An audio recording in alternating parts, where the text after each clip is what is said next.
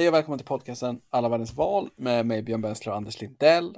Och nu är det dags för val i Sydkorea som har ett hur jämnt som helst presidentval, eventuellt den 9 mars.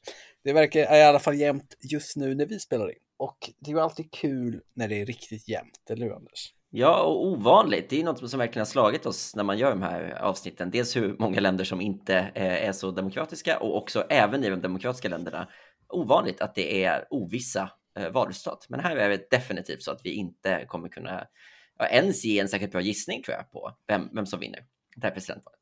Jo, alltså vi kommer ju ha 50 procents chans. Ja. och, och det kan man väl säga att det är en bra gissning i många fall. Ja, det är sant. Eh, och valet är ju då som du sa eh, 9 mars, alltså nästa onsdag. Och eh, det man väljer då är en ny president. Det är alltså bara presidentval. Parlamentet eh, som väljs vart fjärde år, det valdes senast för två år sedan, 2020. Och eh, den sittande presidenten då, Moon Jae-in, eh, han avgår därför att det gör man alltid som president i Sydkorea. De har en en eh, mandatperiodsgräns på sina presidenter.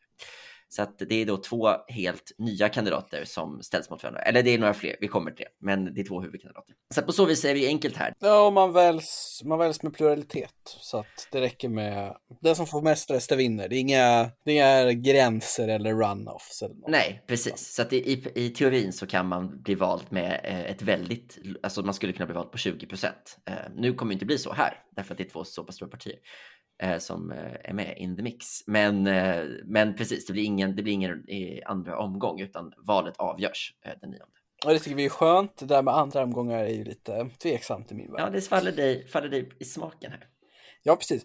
Och det jag kan berätta är att man har gjort en covid-anpassning för Sydkorea har ju väldigt mycket covid just nu, mm. mycket mer än tidigare under pandemin.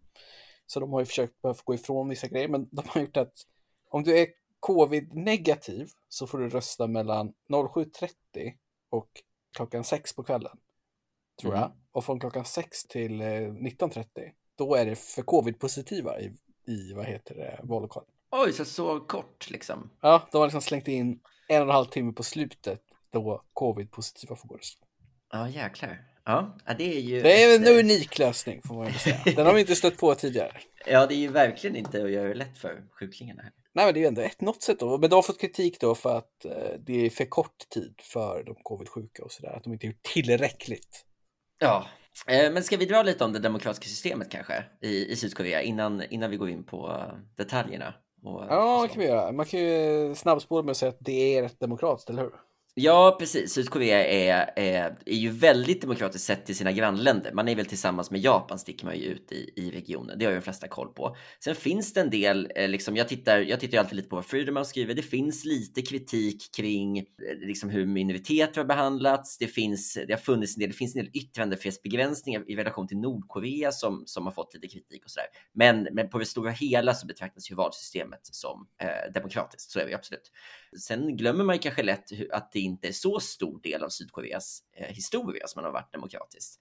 Eh, där tror jag det finns en liten risk att man, att man tänker sig att liksom sen 45 så har eh, syd varit demokratiskt och nord inte, men så är vi ju inte, utan, utan man har ju varit... Nej, det är sen 88 typ, brukar man säga. Ja, Precis, den senaste konstitutionen eh, gjorde man eh, 88 och sen tog det lite tid innan den började funka perfekt.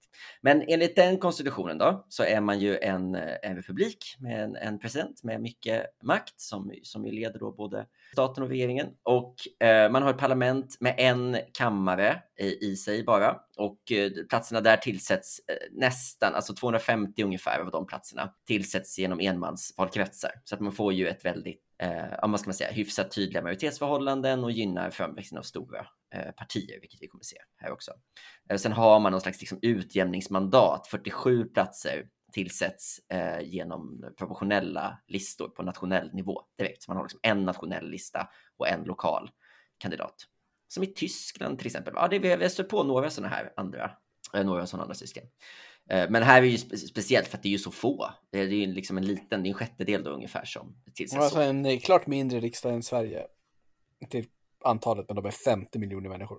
Ja, precis. Ja, precis. Det är, man är 50 miljoner människor på en ganska liten yta, ungefär som Island i Sydkorea.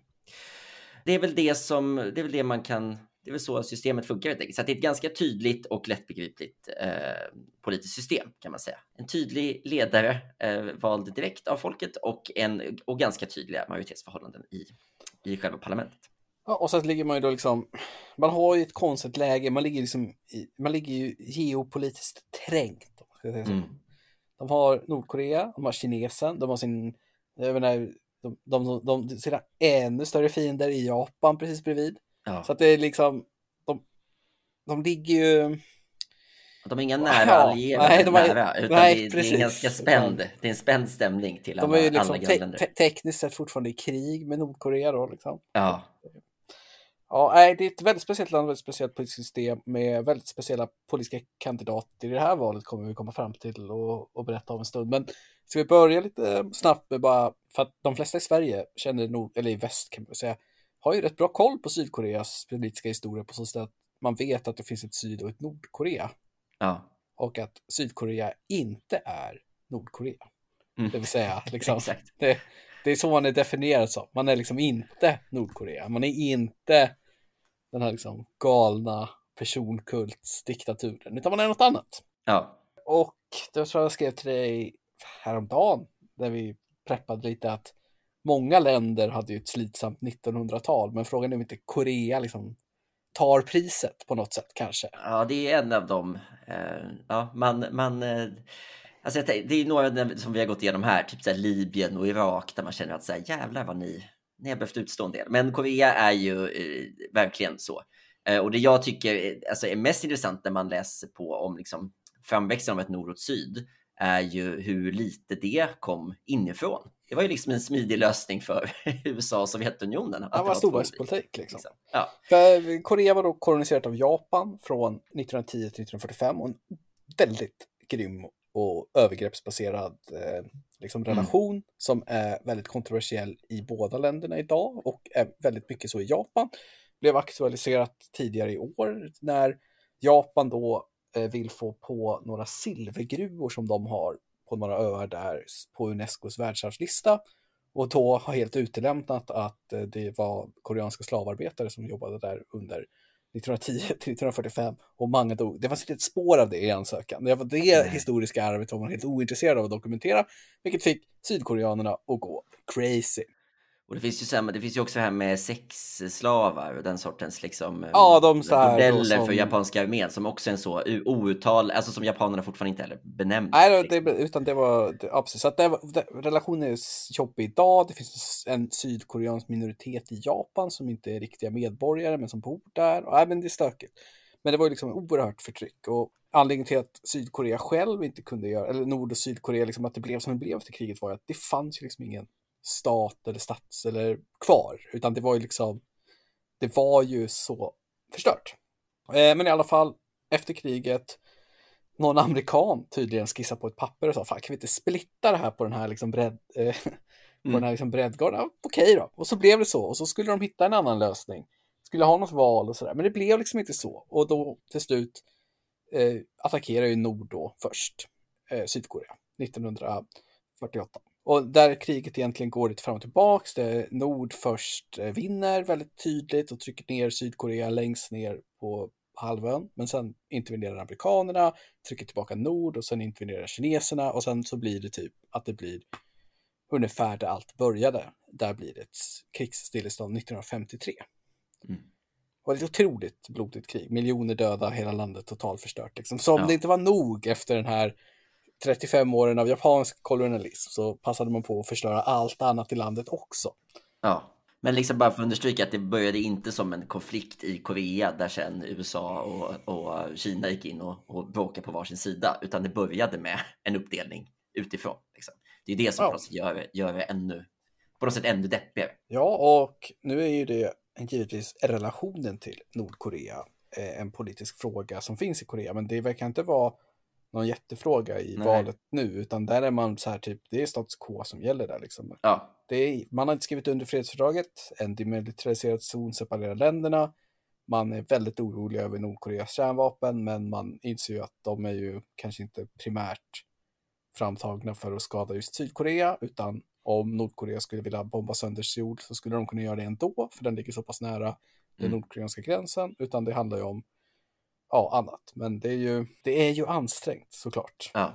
I alla fall så under och efter kriget så är man ju absolut ingen diktat eller demokrati, man är ju en diktatur, utan Syngman Re var ledare under kriget.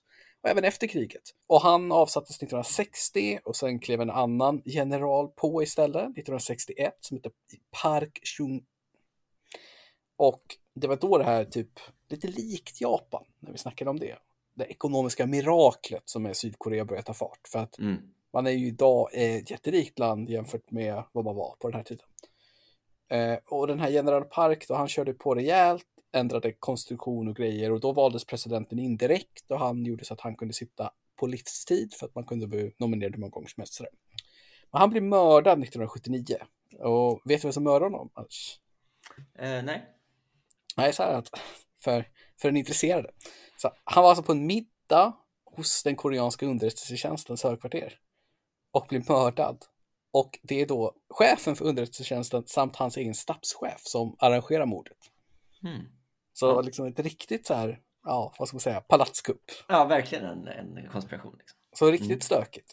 Sen blir det då såklart ett maktvakuum och då stiger en annan general på och det här är sista generalen som ni behöver kunna. Och det är Shun eh, Do-Hwan och han tar då över typ 80 och i ett så här, som man ofta ser, i ett försök att höja sig internationella statusen på sig själv och på landet så hölls det ett val av, till parlamentet 1985. Där mm. då, till denne mans förvåning, oppositionen tar ett stort steg. och då börjar oppositionen driva ett oerhört skarpt krav och det är att presidenten ska vara direktvald, för det är den inte vid det här tillfället. Nej. Och då vill Shun inte det såklart, utan han vill sätta en man som heter Ro Tavu på presidentposten efter sig själv. Och då deklarerar han att han ska bli president och då sätter det fart en proteströrelse under sommaren 1987.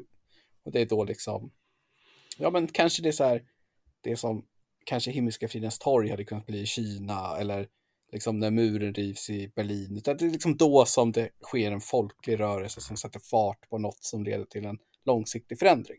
Och... Man brukar prata om tredje vågens demokratisering, alltså det är de länderna som blev fria på, på det var ju en demokratiseringsvåg i hela, hela världen liksom på 80-talet och där är Sydkorea ett sånt. Ja, och vid de här stora protesterna så de kulminerar de med att en ung demonstrant som heter Lee Han-Jul får en sån här tårgaspatron i huvudet, blir mm. otroligt allvarligt skadad och avleder senare. Och det är under hand den här, han blir skadad, enormt uppmärksammat och i hans begravningståg så deltar 1,6 miljoner människor. Utan han blir en mm. slags nationalhjälte, martyr liksom. Och det är under den här pressen som då eh, helt enkelt eh, Shun får liksom spika, eller vika ner sig. Och det blir en förändring och det blir ett direktvald president 1988. Och då händer ju något som jag tycker är jättekonstigt. För vem vinner då det här valet? Jo, det är ju Ro Tavu som är den som skulle utses till president odemokratiskt först. För han som tillhör samma parti som den här generalen. Och det är ju jättemärkligt. När man Folket liksom... var så här, nej vi vill inte ha er tillsatta president, vi vill välja själva. Och då bara, ja, okay, vem vill ni ha då? Nej, vi vill ha han som, som vi inte vill få tillsatt. För han vinner för att det är en enorm splittring inom oppositionen. Så på ett valdeltagande på 90 procent så vinner han med 36 procent. Mm.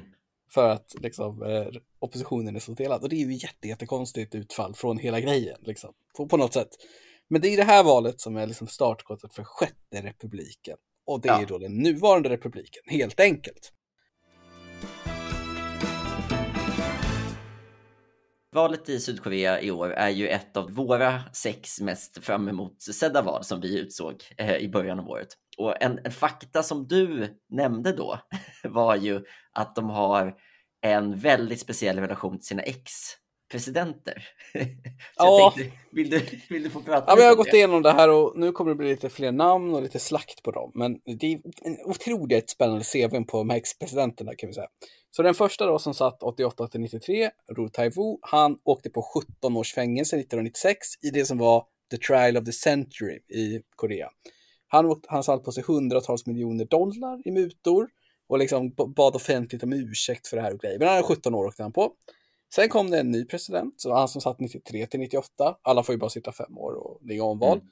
Som heter Kim Jong-Sam. Eh, han har liksom inget på sitt efter-CV. Inget speciellt. Död 2015. Så han är ett undantag i den här. Sen kommer Kim Dae-Jung som är president 98 till 2003. Och han är ju liksom ska vi säga, ja, men han är den populäraste sydkoreanska politik, politikern någonsin, vågar jag sträcka ut huvudet mm. Han har liksom vunnit Nobels fredspris för hans fredsarbeten, kom, har liksom en otroligt inspirerande livshistoria, otroligt gott rykte. Liksom kanske den populäraste politikern i landet, dog 2009, ingenting ont att säga. Han är liksom deras, han är liksom den delen av världen, Nelson Mandela. Liksom. Det är ingen mm. som har något ont att säga. Nu börjar det dock hetta upp, för efterhand så satt Ro Mo-Jun, som president 2003-2008, eh, dog medan omfattande korruptionsanklagelser fortfarande utreddes mot honom. Han dog genom att hoppa från en 45 meters hög höjd i sin hemby. Någon slags mm. här, du vet, och då dog han inte direkt av det, utan han avled senare. Han av, överlevde liksom fallet. Men tog liksom livet av sig under spektakulära former medan han utreddes och då har skrivit ett avskedsbrev som ju man skulle kunna tolka som en erkänning. Jag vet inte. Ja. Han fälls då på presidentposten av Lee Myung-bak som kör 2008-2013, arresteras 2018, anklagad för att ha tagit emot miljoner i mutor, delvis från Samsung för att ge en, en presidentiell benådning för Samsungs ordförande som satt i finkan just då. Samsung är ju Koreas absolut största företag. Och eh, deras vd har ju också just nu kommit ut ur fängelsen på grund av korruption. Eh, det, mm. det är stökigt. Just nu verkar den här i alla fall presidenten var dömd till 17 års fängelse vad det verkar för korruption.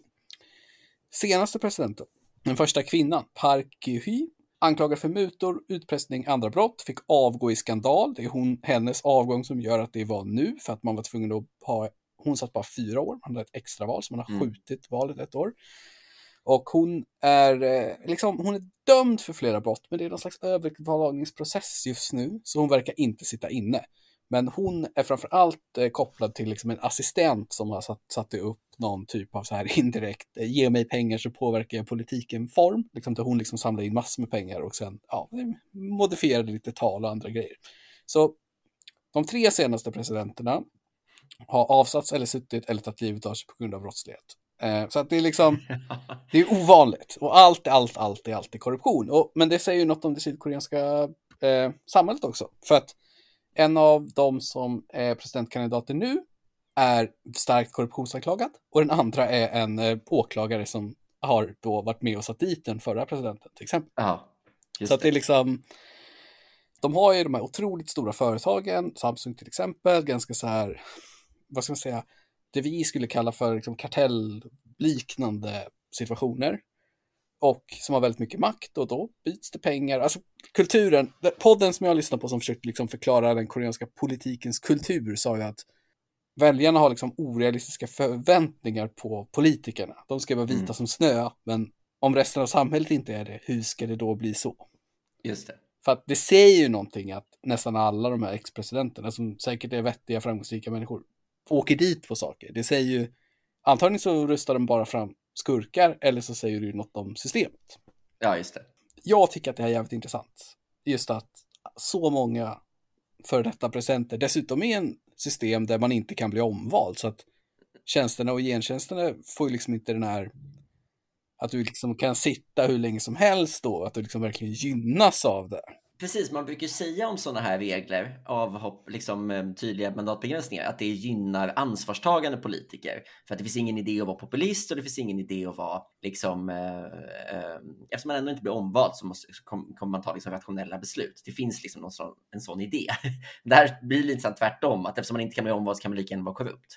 Man skulle kunna säga att systemet föder ett sånt beteende också om man vill argumentera emot det. Liksom. Ja, vi får väl se hur det går för sittande president av Moon här. Se hur, ja. liksom, hur det går för honom, helt enkelt. Han har ju inte, vad jag vet så känns det inte som att det har funnits jättemycket så här korruptionsgrejer mot honom. Nej, han glider väl, min bild är att han glider ut ur det här på en helt okej, okay, eh, liksom, med ett helt okej okay, eh, verkar. Han har ju de högsta approval-siffrorna som en utgående president någonsin har haft, typ, sägs det. Mm. Mm. Så, så, det är väl någonting. Ja, men om, eh, om vi ska liksom gå in på partierna då, Anders. Vad, mm. vad, har vi där? Så kan vi titta lite på kandidaterna sen. För att det är ganska persondrivet det här. Det kommer ja. och går partier. Exakt, och det kan man ju säga generellt så är eh, partisystemet väldigt liksom ombytligt och, och volatilt. Eh, så att, så att det, är, Eh, det, det liksom startas och slås ihop och läggs ner partier hela tiden. Men eh, den liksom breda bilden man kan säga är att sen 88, sen den, liksom den nya konstitutionen, så har det alltid funnits ett väldigt stort konservativt och ett väldigt stort eh, liksom, liberalt parti i parlamentet. Och sen har det funnits lite andra, liksom mindre partier som oftast har eh, agerat eh, opposition utanför ett, ett någon av de här absoluta majoriteterna eller, så har, eller som liksom har hjälpt till att vara stödparti på ena, på ena sidan. Liksom. Eh, så att, så att eh, liksom, även om partierna startas och läggs ner så, vad ska man säga, krafterna och trenderna har, finns det en hyfsad stabilitet i. Men spelplanen är liksom liberalism och konservatism, de två tydliga krafterna. Eh, och det är liksom ledande partiet idag, då, alltså Moons parti, är ju, vi använder väl de engelska översättningarna här för enkelhetens skull. Det är det som heter Democratic Party of Korea, som är då det, liberala, det stora liberala partiet. De har just nu egen majoritet i parlamentet, 172 mandat. Eh, vilket de ju då har på grund av hur valsystemet ser ut. De fick 30 procent ungefär av, av rösterna. Eller så här, de fick 30 i eh, de nationella valen kan man säga, men lite mer i, i de här i varje De har lite fördel helt enkelt. Men det är ju spelreglerna, alla känner till dem. Precis, precis. Eh, men det är liksom det stora partiet som, som styr nu och som också har styrt liksom tidigare. Sen finns det då det stora, eh, det stora oppositionspartiet nu det konservativa partiet som heter People Power Party, brukar de översättas på engelska. De har då 106 mandat, så även de ganska mycket och låg väldigt, väldigt nära i procent. Så hade de liksom, eh, de har liksom inte ens en hel procentenhet under eh, DPK i stöd. Men, men då, eh, men så slog mandaten ut lite olika. Eh, och de, det är en väldigt, väldigt ny partibildning, massa små partier som slogs ihop, eller några små partier som slogs ihop eh, 2020. Men som sagt, det är, att det finns en stor konservativ kraft, det är vad jag brukar och sen så tycker jag att det finns väl två andra partier som är lite värda att nämna. Dels ett parti som har ett väldigt likt begrepp här. Man brukar säga People Party bara, som också är någon slags konservativt, kanske lite mer åt det liberala hållet, någon slags mitten högerparti som idag bara har tre mandat, men vars presidentkandidat ändå går helt okej okay av de väldigt av de eh, impopulära kandidaterna. Om man ska säga. Eh, och sen så finns det ett eh, liksom vänsterparti eller progressivt parti eh, som heter Justice Party och som har, men som då bara har sex mandat så att ett jättelitet stöd i parlamentet, eh, men fick ändå 10 nationellt så att det finns liksom någon slags, de har en väljarbas eller man ska säga och de har de, de, det finns ändå ett intresse för någon typ av vänsterpolitik, kanske de som har drivit eh, liksom feministiska frågor i Sydkorea som ju är ett ganska liksom konservativt samhälle och sådär. Eh, men det är en kraft som det går, eh, som absolut inte har ett momentum, men som samlas då i det här Justice Party. Så det är väl de fyra partierna som är värda att nämna, men, det, men liksom med den tydliga parentesen här att varje sydkoreanskt val är ett tvåparti-race mellan eh, ett stort liberalt och ett stort konservativt parti. Och exakt vad de partierna heter, det är ofta olika mellan val. Ja, men precis, men då blir det, då blir det ju att det finns typ två typer av etablissemang som liksom verkar men inte alltid inom en liksom tydligt samma parti, utan då finns det väl liksom olika media, olika intressegrupper som vi brukar komma ihop. Liksom. Det betyder ju liksom, alltså, jag tänker mig att det finns ett typ, så att i det här fallet så finns det någon typ, min take att det finns någon typ av informellt partietapp. Så ja. ibland heter det det här, ibland heter det det här liksom. Det är inte så jävla noga. Exakt, det är som att det finns liksom två nästan hundraåriga partier som bara har liksom flutit runt och tagit lite olika kropp i varje val. Ja. Um, precis, men som du nämnde då så är vi Ska vi snacka lite om de här snubbarna då? Eller? Ja, exakt. Ska vi börja med Jon Suk Jul då från PPP? Precis, som ju då är eh, en huvudsaklig, vad ska man säga, då, oppositionspartiet där, från det konservativa partiet. Han är utmanande, liksom så. Ja, mm. Han har ett CV då som för att tillhöra ett konservativt etablissemang, men han har ingen tidigare politisk erfarenhet. Eh, vilket eh, har synts, eh, kommer ni snabbt få där. Han har då varit en väldigt känd och framträdande åklagare och eh, han har varit inblandad i det åtal som tidigare, fällt tidigare president till exempel. Och han har varit med på Samsung-snubben. Och han har jobbat för regeringen från båda sidor och grejer. Att man kan säga att liksom, och han jobbade även för nuvarande regering då. Och mm. han lämnade 2021 i mars. Och då var väl hans bild liksom att han var en stark opartisk eh, åklagare eller liksom juridisk eh, person med mm. gott rykte liksom. Mm. Och då bytte han snabbt kläder och skulle då in i det konservativa partiet i primärvalet och bli en person som är typ, vad ska man säga, liksom skulle vara en seriös liksom eh, kraft där. Mm. Och han har gjort det som man brukar kalla inom brittisk po politik en gaffel. Va? Att man, liksom, man säger helt enkelt något dumt. Liksom. Joe Biden har gjort många, liksom, mm. man säger fel. Liksom. Mm. Under primärvalet så gick han ut med följande utspel till exempel. Då. Han råkade förespråka en 120 timmars arbetsvecka. vad, försökte han, vad försökte han säga då? ja, det vet jag fan. Han eh, ansåg att feminismen i Sydkorea var huvudsakligt ansvarig för de låga födelsetalen. Ja. Han föreslog att fattiga människor ju kunde få delvis mat av sämre kvalitet subventionerad från staten. Mm. Och eh, han hyllade 1980-talets eh, diktator som vi tidigare har nämnt då, eh, som en liksom, stark och karismatisk förebild. Men det är en annan grej som har gjort han känd på riktigt och gjort han till någon typ av meme i Korea har jag förstått det som. Jag har inte liksom, ja, whatever. Men i en primärdebatt så hade han den kinesiska symbolen för kung, som ju då är ett tecken, är målad på sin hand på något sätt. Vilket då är kulturellt känsligt i Korea av flera anledningar, men mycket för att det är kopplat till den tidigare diktaturen och så. Ja. Men detta ledde till, och du kommer gilla det Anders med tanke på att du har jobbat med liksom presskommunikation och varit pressis och försökt eh, täcka upp för en politiker som har satt fel vid tillfälle kanske, eller försökt nyansera och förklara. För att, då fick han ju då frågan, eh, varför har du gjort så här? Och då sa då den här talspråken att en vänlig granne hade målat denna symbol på morgonen på hans hand och han hade inte hunnit tvätta bort den. Eh, då frågar ju då journalisten, men vänta nu, det här är ju mitt i en epidemi. Du menar alltså att den här personen inte tvättar sina händer? Och då blev svaret, jo men han tvättar fingrarna. Usch, alltså jag lider ju med eh, den, känner, jag lider med den eh, pressisen som måste stå och hantera den här. Det är också en så jäkla konstig, alltså det är, en, det är så jäkla konstig skandal, alltså att ha liksom ett känsligt tecken målat på handen. Det är liksom ja, men, det är så jävla orent. Ja, men om man har följt liksom coronasynen i Korea, den är ju liksom, ja. du vet, där är det ordning och reda. Du, där går du inte och skryter om att du inte hinner tvätta dina händer. Nej, nej. Eh, sen har ni såklart, eh, fruarna är väldigt aktiva i den här varelsen. Och mm. det tycker jag, lite så här, från utomperspektivet så känns det lite som att det finns något fult i det, att de liksom, de används som liksom slagträn på något sätt. Men, eh, Men det är väl också att, att det, vittnar ju om, det vittnar ju om en förförståelse att eh, ledaren alltid är en man. Liksom, sådana system. Ja, men, frugan men frugan ska ha fejkat sitt CV och eventuellt ha jobbat som en så kallad hostess på en bar. Mm. Vilket inom situationstecken är något annat och sådär. sådär. Så hon är liksom också med.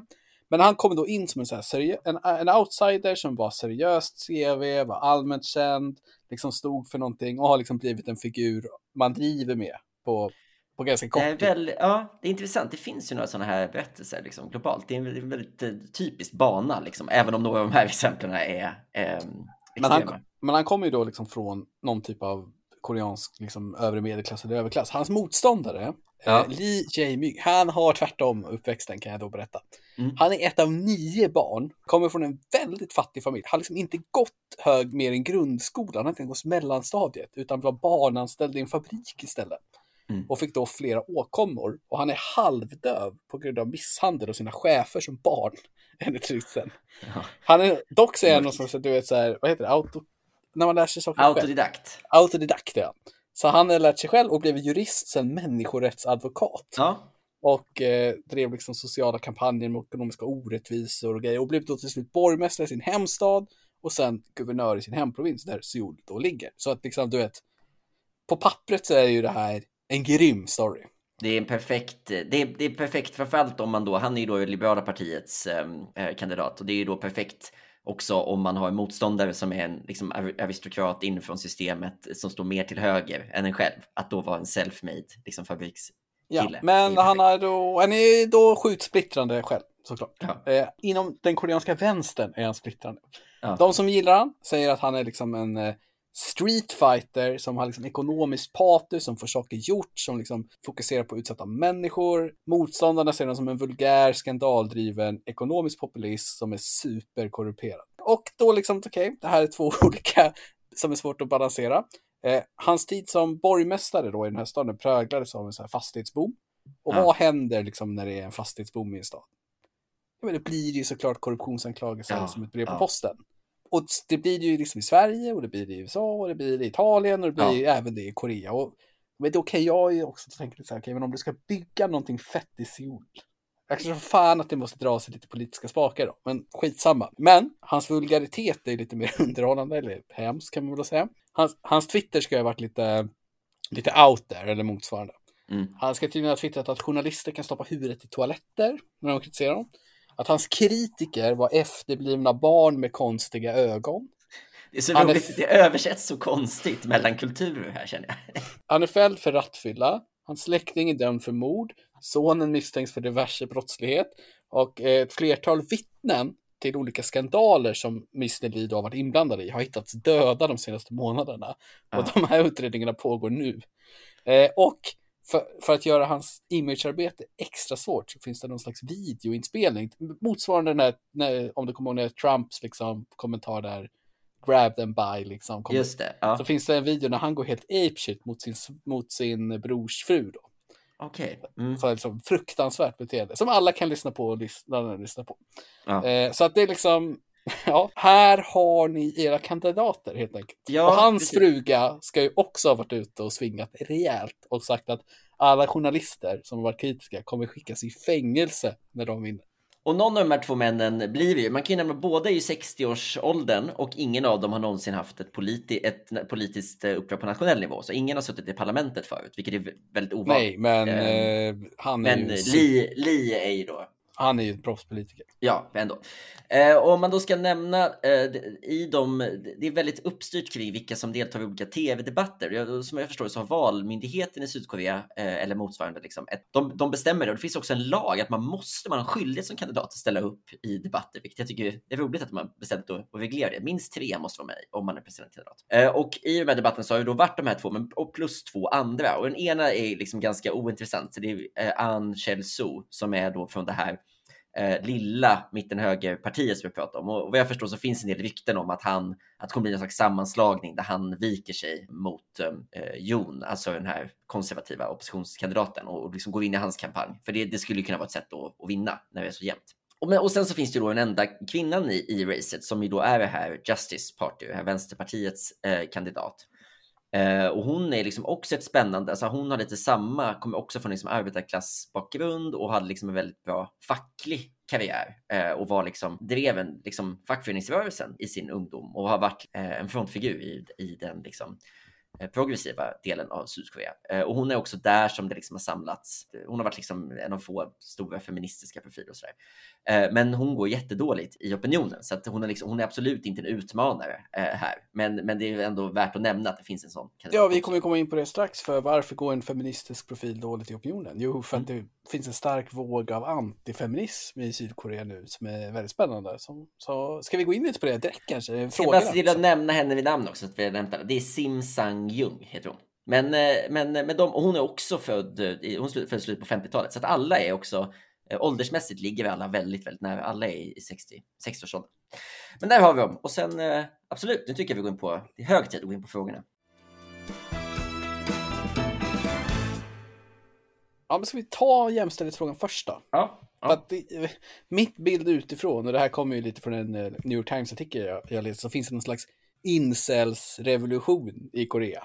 Ja. Där unga män känner sig oerhört diskriminerade mot eh, i relation till kvinnor. Mm. Och att det här har liksom tagit eh, en oerhörd tempo de senaste, de senaste åren med en ganska högljudd aktiv rörelse med mycket demonstrationer, offentliga uppträdanden och liksom, ja, hatkampanjer mot liksom framstående kvinnor i mycket fall. Mm. Mm. Och det här är ju då lite spännande eftersom Sydkorea har det största könslönegapet i rika länder. De har en mm. femtedel av i riksdagen där är liksom kvinnor. Ja. Och 5 eh, procent ungefär av liksom styrelsemedlemmarna i aktiebolag är kvinnor. Just det, det är svårt att på siffrorna säga att feministerna har gått för långt. i då, långt eh, men i en undersökning så tycker 79 procent av sydkoreanska män i 20-årsåldern att de är offer för könsdiskriminering. Ja. Ja.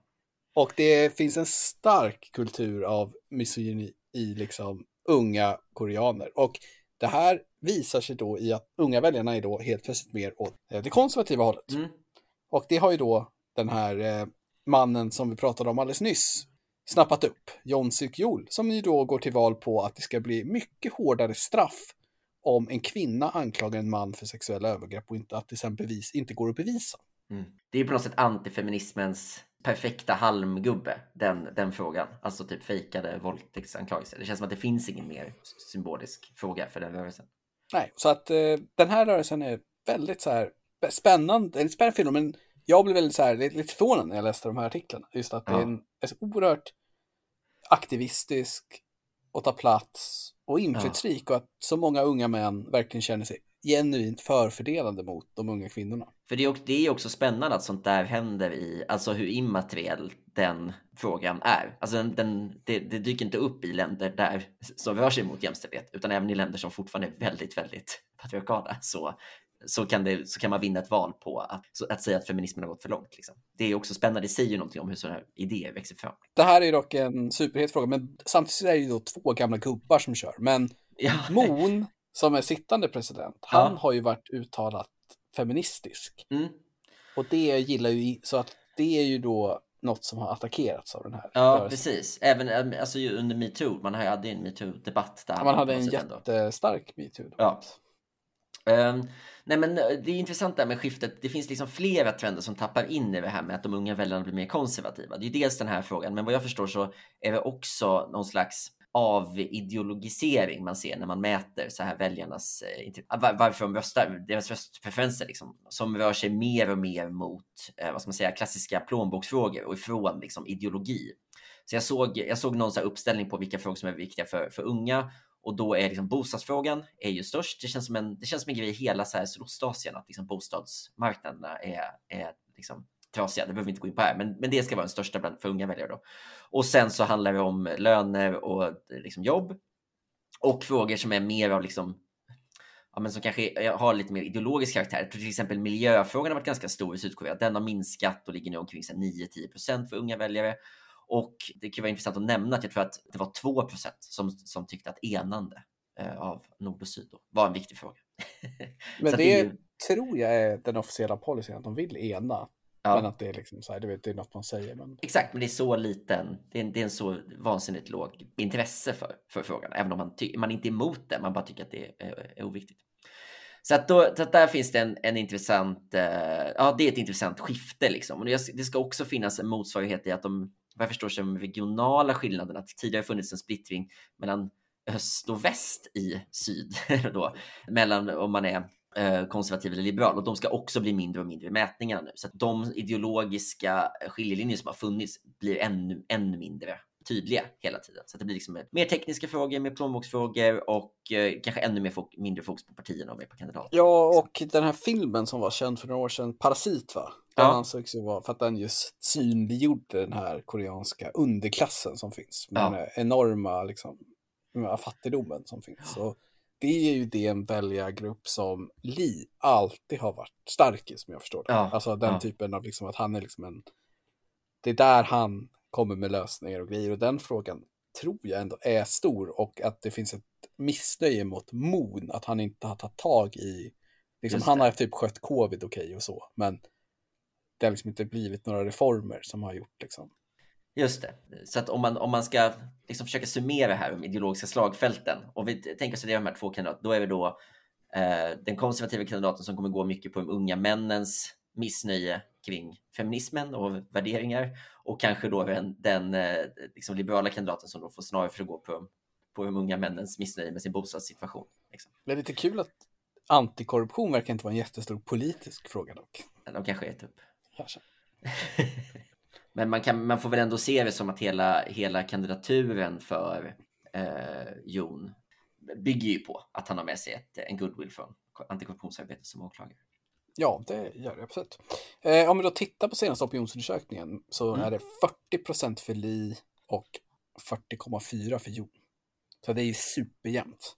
Ja. Jon har haft en liten ledning typ hela tiden, men det är riktigt, riktigt jämnt alltså. Och det kan verkligen gå either way som det ser ut just nu. Och det, Joel hade en större ledning kanske för, ja men säg en månad sedan.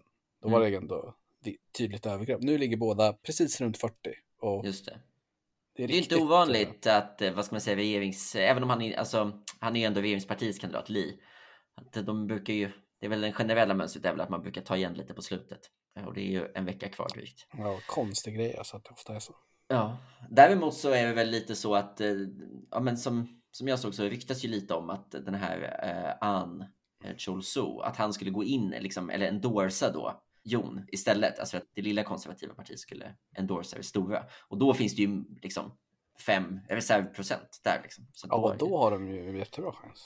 Det skulle ju kunna göra racet plötsligt mindre spännande kanske. Ja, vill du våga på en gissning Björn? Ja, men det blir Jon. Oppositionsseger, ja, absolut. Det blir den gamla, den gamla åklagaren som har växlat över till eh, burdus antifeminist med en otvättad hand som tar hem det. Ja, nej, men eh, jag tror på PPP-kandidaten. Han har ändå ledat mest av tiden. Då brukar man ta det på slutet. Ja.